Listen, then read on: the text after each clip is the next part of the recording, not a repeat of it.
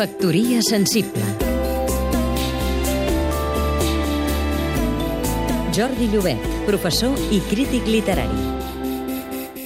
Acaba d'arribar a les llibreries el darrer llibre de Pons Pons, poeta menorquí que passa una bona part de la vida quotidiana al camp en una cabana sense llum ni aigua.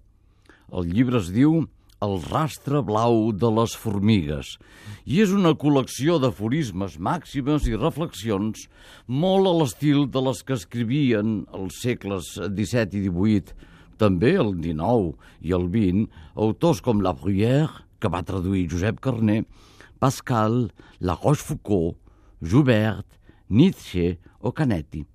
Pons Pons és un enorme poeta, un dels millors del panorama de les actuals lletres catalanes. Ja era excel·lent fent versos i ara ha demostrat ser-ho en l'art de les petites reflexions, com ara aquestes que cito. Potser s'obren escriptors i fan falta literats. En certa manera, tranquil·litza pensar que a Flaubert li costava tant escriure.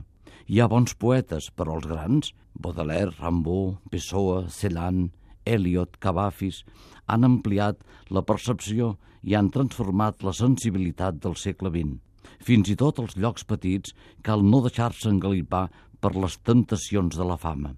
Convindria que llegissin aquest llibre tots els escriptors que, arran dels fets de 1714, han sortit a casa nostra com bolets a la tardor. Factoria sensible Seguim-nos també a catradio.cat